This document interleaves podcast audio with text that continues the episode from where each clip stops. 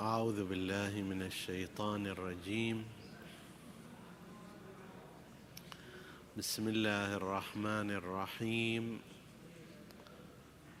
والصلاة والسلام على أشرف الأنبياء والمرسلين. سيدنا أبي القاسم المصطفى محمد.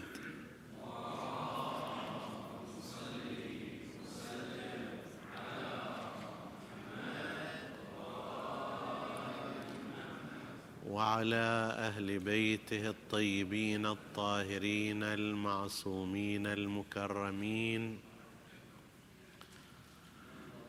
السلام عليكم أيها الإخوة المؤمنون أيتها الأخوات المؤمنات ورحمة الله وبركاته.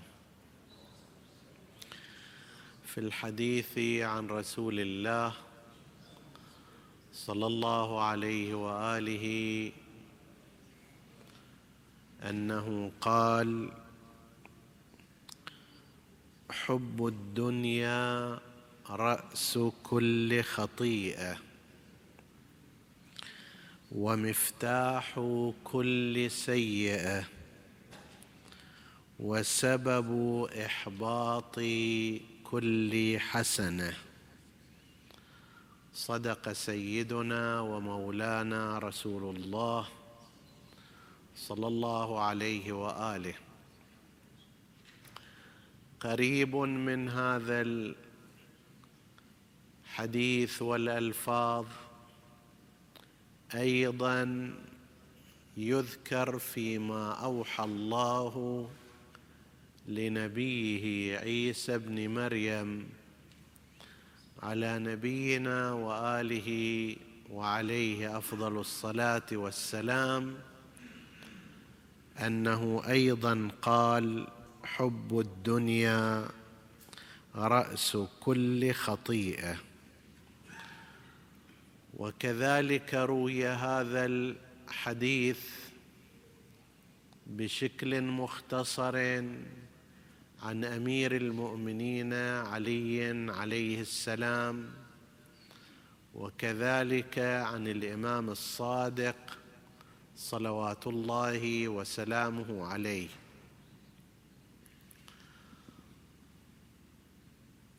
معنى الدنيا بالرغم من وضوحه إلا أنهم قالوا فيه أكثر من جهة. البعض قال أن كلمة الدنيا من الدنو والاقتراب وهي بالقياس إلى الأخرى متأخرة. كأنما الإنسان عنده داران مكانان أرضان إحداهما دنيا قريبة والثانية أخرى متأخرة. هذا قول عند بعض اللغويين. الظاهر أن المعنى المستعمل فيه هذه الكلمة في القرآن الكريم وفي الأحاديث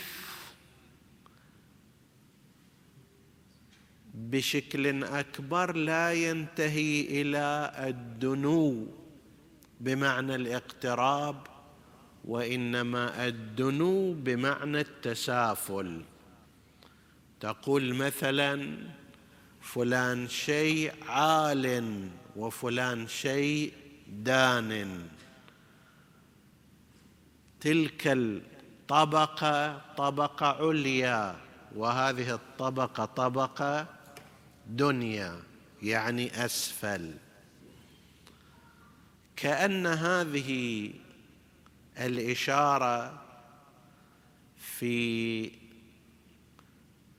الاصطلاح المستعمل في القرآن الكريم وفي الروايات فيها هذا المعنى أن هذا الشيء هذه الحياة هذه النشأة هذه مو فقط قريبة وإنما سافلة أيضا دانية حقيرة لا تسوى.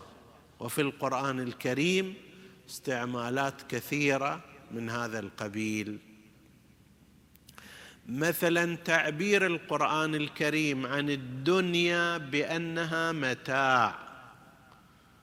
وما الدنيا في الآخرة إلا متاع. أو من هذا القبيل تعبيرات متاع الغرور. أيضا هذا فيه إشارة إلى ماذا؟ إلى تسفيه القيمة. إن الدار الآخرة لهي الحيوان. الحياة المستمرة الدائمة الحقيقية الحياة الأخرى. وأما هذه الحياة فهي متاع الغرور لعب له اعلموا أنما الحياة الدنيا لعب ولهو وأن الاخره لهي الحيوان الحياة الحقيقية المستمرة في مقابل هذه اللي هي عبارة عن متاع. فحتى في مفهومها كأن القرآن الكريم والروايات تشير إلى أن هذه النشأة هذه الحياة الأولى حياة تافهة لا تستحق. متاع شيء بسيط. زرع أعجب الكفار يعني المزارعون. هنا الكفار بمعنى المزارع لأن كفر وكفر يعني غطى ومنه أساسا جاء الكافر سمي كافرا لأنه يغطي الحقائق. لا يعلن ما تملي عليه فطرت فطرته من أن الله هو الخالق وأنه المنعم وما شابه ذلك وإنما يغطي هذا النداء يغطي هذا النور لذلك سمي كافرا لأنه يغطي وأصله من الزراعة كمثل زرع أعجب الكفار نباته. ثم يهيج فتراه مصفرا خلاص بعد يذبل وينتهي. هذه قيمته هكذا ليس فيها استمرارية. ليس فيها دوام ليس فيها نتائج. فاذا هذه هي في المفهوم النبي المصطفى محمد لذكره صلوا عليه.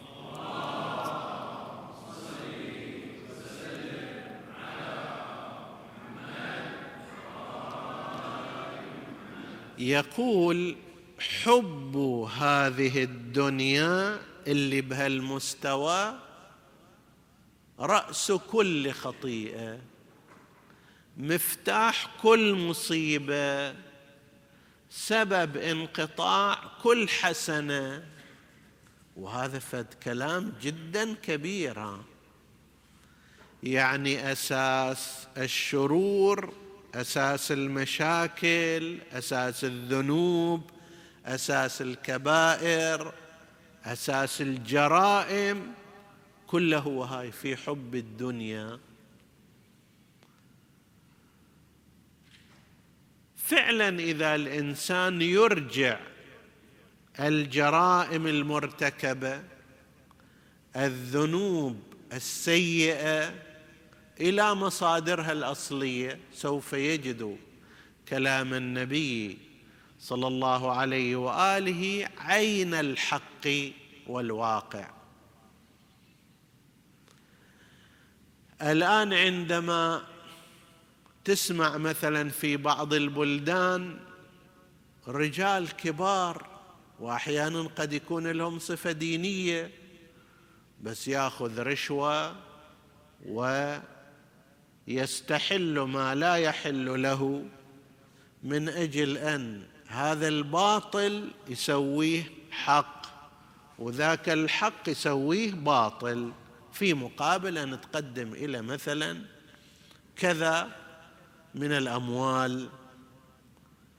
هذه مرجعها إلى وين؟ يعني لماذا يأخذ هذا الإنسان الرشوة ويحصل منه الفساد ويغير الحق إلى باطل والباطل إلى حق. ليش هذا؟ لأنه سيستلم مالا.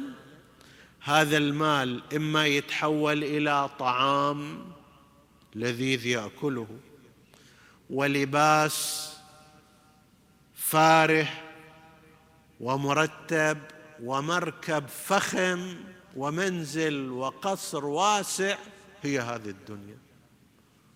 حب هذا الثوب وذاك الطعام وهذا القصر وهذا المركب هو هذا الدنيا. الحب الذي يجعل الإنسان يعمى عن كل شيء يعمى عن أن هذا حرام. أنت تأخذ مالا من غير حق في غير وجه بغير مبرر. هذا لا يجوز شرعا يحرم عليك ذلك.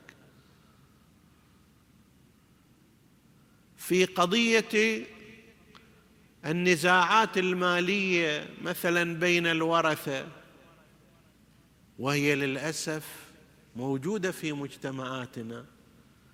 لماذا أنا أريد آخذ أرض أخي؟ أو أسيطر على سهمه؟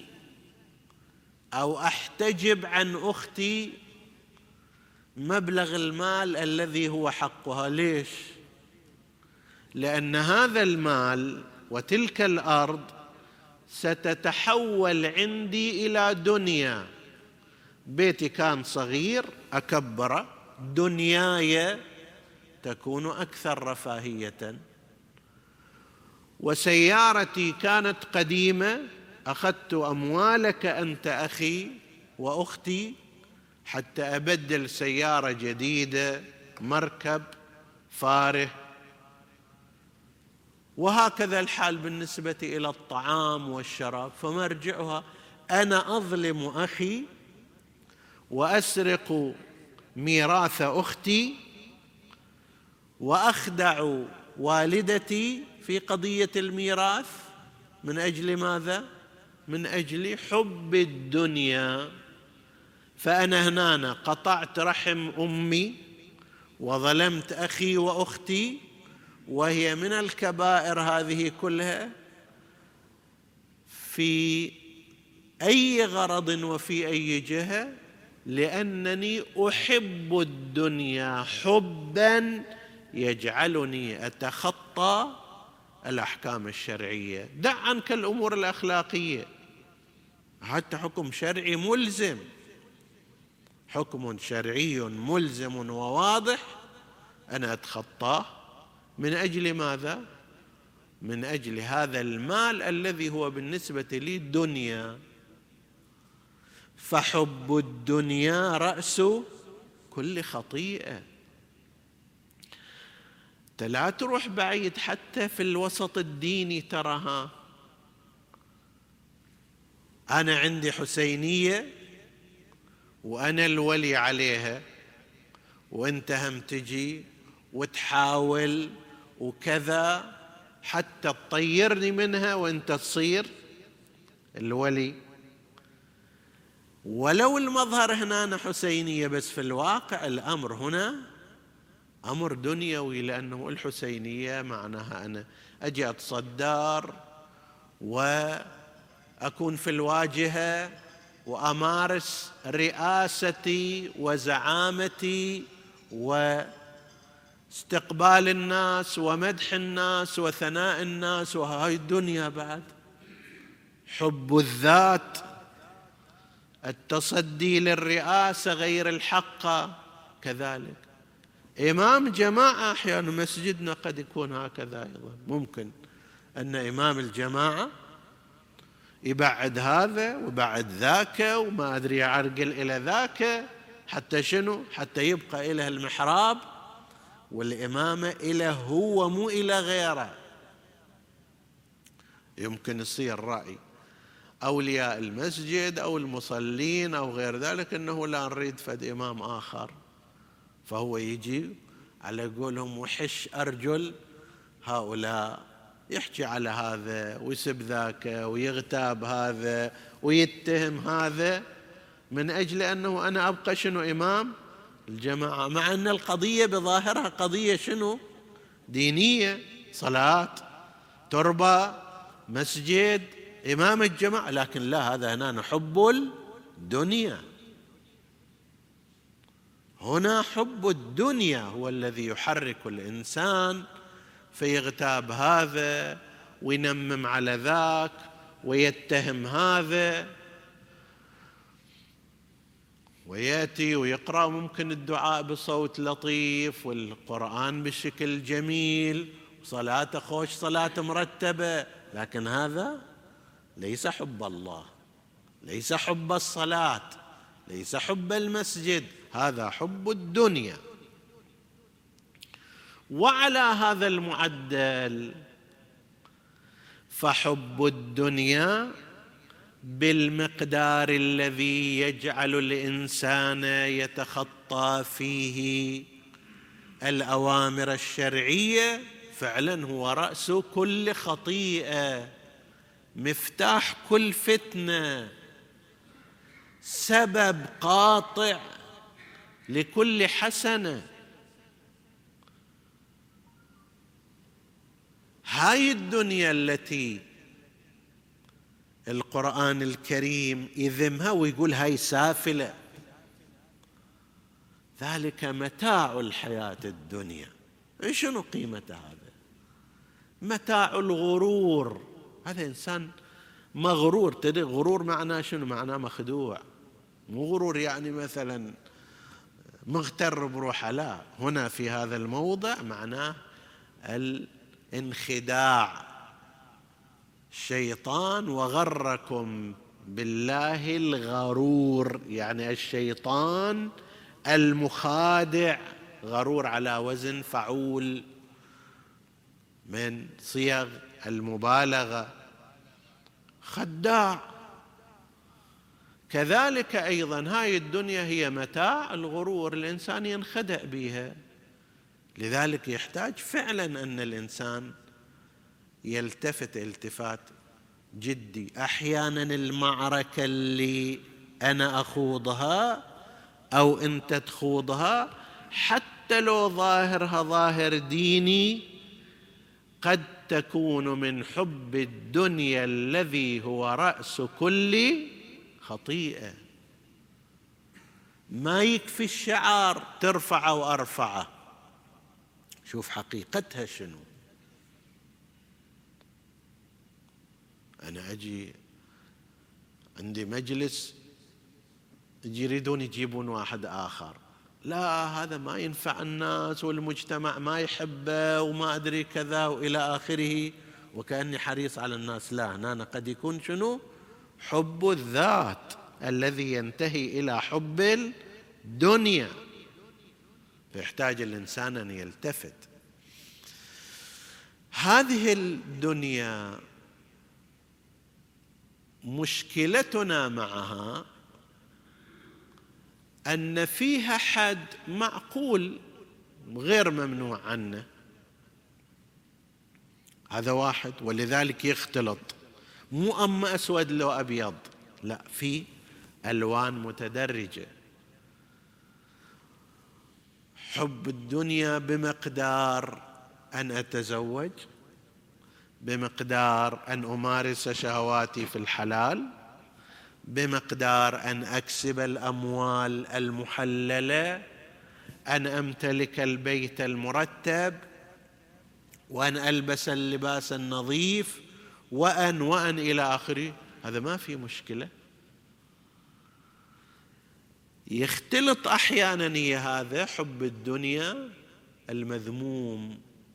المائز بينهما ما هو؟ أحيانا تشوف الالوان تتدرج بحيث أنت تشوف نفسك في بحر من اللون المتدرج ما تدري انت هالصوب لو ذاك الصوب. المائز بينهما هو أن حب الدنيا حب المال حب الشهوة حب الرئاسة حب المسكن حب الذات. إذا جعلك تتخطى حكما شرعيا هذا رأس كل خطيئة. وإلا بهالمقدار جاء رجل إلى الإمام الصادق عليه السلام فقال له يا سيدي يا أبا عبد الله إنا نحب الدنيا ونحب أن نؤتاها. نحب الدنيا. وأيضا نحب تصير عندنا أموال تصير عندنا كذا. قال له فتصنع فيها ماذا؟ إذا جاءتك الدنيا تصنع فيها ماذا؟ قال أوسع بها على عيالي وأتصدق بها على فقراء الناس وأصل بها أرحامي وآكل وأشرب مما أعطاني ربي. قال ويحك هذا حب الآخرة وليس حب الدنيا. هذا المقدار اللي انت تسويه بهالشكل. وفرة المال الذي يدعوك إلى أن تأكل الحلال وتلبس الحلال وتعمل الصالح بهذا المال. هذا حب الآخرة مو حب الدنيا. حب الدنيا يعني إذا عرض عليك أمر الله عز وجل من جهة وحب الدنيا من جهة أخرى. أيهما تقدم؟ تقول خلينا نمشيها و... يا هذا حرام شرعا. يقول لا لذيذ. حرام. شلون لذيذ؟ هنا أنا قدمت حب الطعام على أمر الله. هذا من حب الدنيا الذي يهلكك ويوبقك. فتاة تتزين وتتمكيج وما أدري كذا وإلى آخره. يا هذا ما يجوز شرعا. قل إيه بس لازم أنا أظهر بمظهر جميل ولازم يكون عندي حضور في المجتمع. لازم يصير عندي كاريزما ولازم ما أدري كذا وال Snap خصوصا إذا تخلي عليه فلتر كذا وكذا. ألف like حصلت من وراء هذه الصورة أو الفيديو. يا هذا حرام. حب الذات حب الثناء حب اللايكات غير ذلك. هذا إذا كان ضمن إطار الشرع ما يخالف. قل قولا حسنا سو لك ألف like تحب ألف like أهلا وسهلا هنيئا مريئا. لكن أنا أروح لنفترض و كفتاة نصف أتعرى حتى مثلا هذا يمدح شعري وهذا ما أدري يمدح صدري وهذا يمدح كذا لايكات إلى آخره وتعليقات. لا هذا حب الذات ينتهي إلى حب الدنيا وهو يخالف الحكم الشرعي. لهذا وجدنا أن الشرع الدين سوى عدة أمور. من أجل أن يقطع لأن فعلا الدنيا غرارة. الدنيا تزين تتزين حقيقة تتزين الدنيا.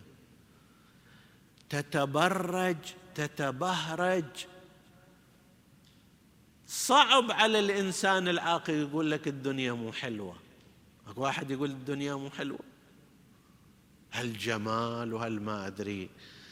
الفخامة والرواء والنظارة وإلى آخره. ما حد يقول لا. القرآن يقول زين للناس حب الشهوات. ويجي يعدد حب الشهوات. بعدين يقول هذا متاع الحياة الدنيا. فهي متزينة. كيف يوقف الدين قدام أن تتحول الدنيا عند الإنسان المؤمن إلى رأس كل خطيئة بعدة أمور نقولها باختصار بعد الصلاة على محمد وآل محمد.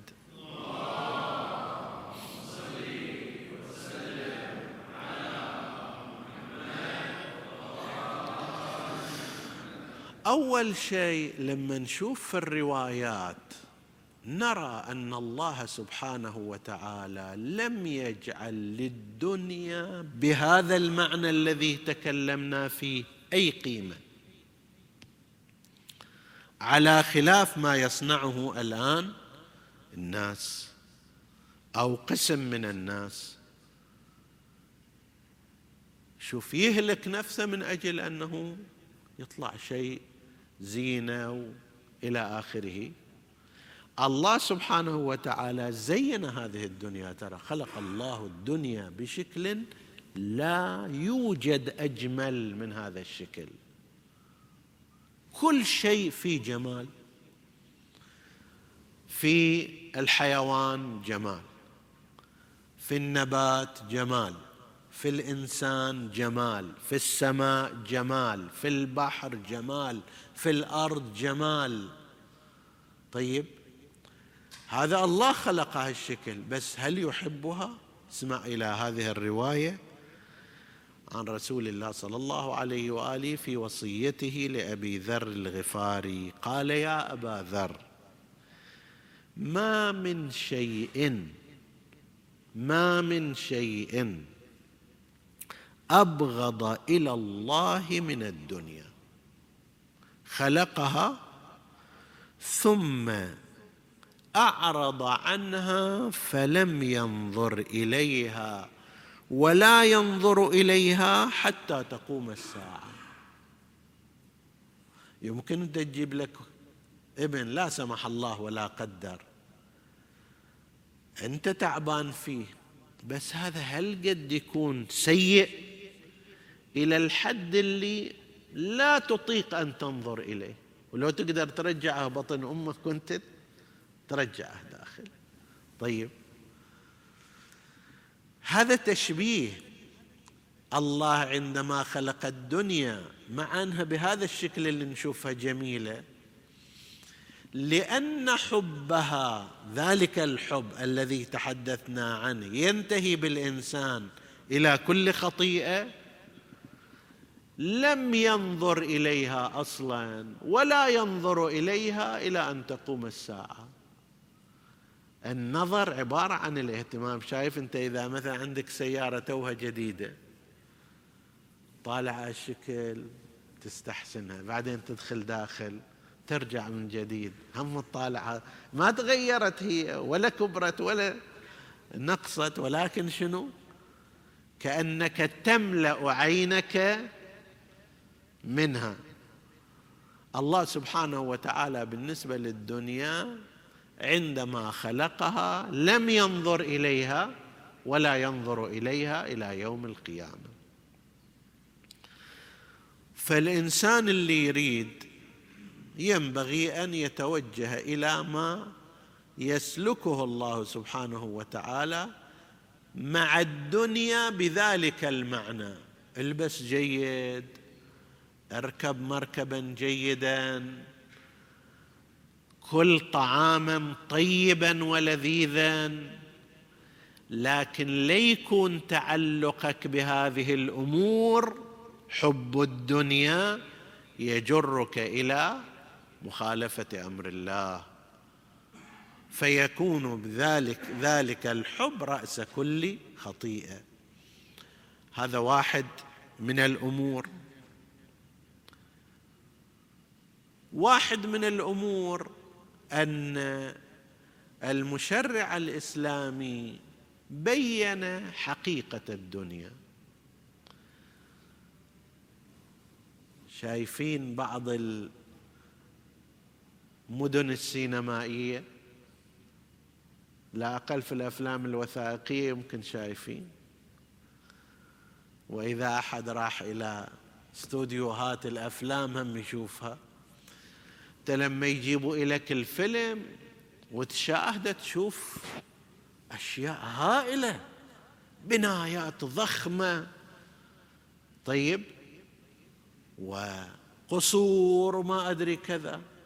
لما تروح من وراء تشوف هذه أخشاب مصبوغة ومرتبة ماكو شيء وراء بس هذا اللي يجي يصور يصور هالشكل. بزاوية معينة يسوي لك شنو؟ قصر. مدينة كاملة انت تشاهدها في الفيلم الكذائي وتتصور أنه هذا وين خلوها هالأماكن هذه؟ وإذا بها عبارة عن كارتون أو جبسن بورد أو خشب أو غير ذلك مع بعض الطلا وبعض التشكيلات. حقيقة هي هذه لكننا نراها من وراء الكاميرا مدن ضخمة مترامية الأطراف. الآن أكثر الأفلام كما يبدو ما يحتاجون بعد لأن الكمبيوتر سهل عليهم الآن.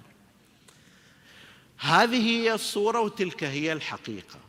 الدنيا لها جانبان أيضا صورة ولها حقيقة. الحقيقة هي التي وراء ذلك.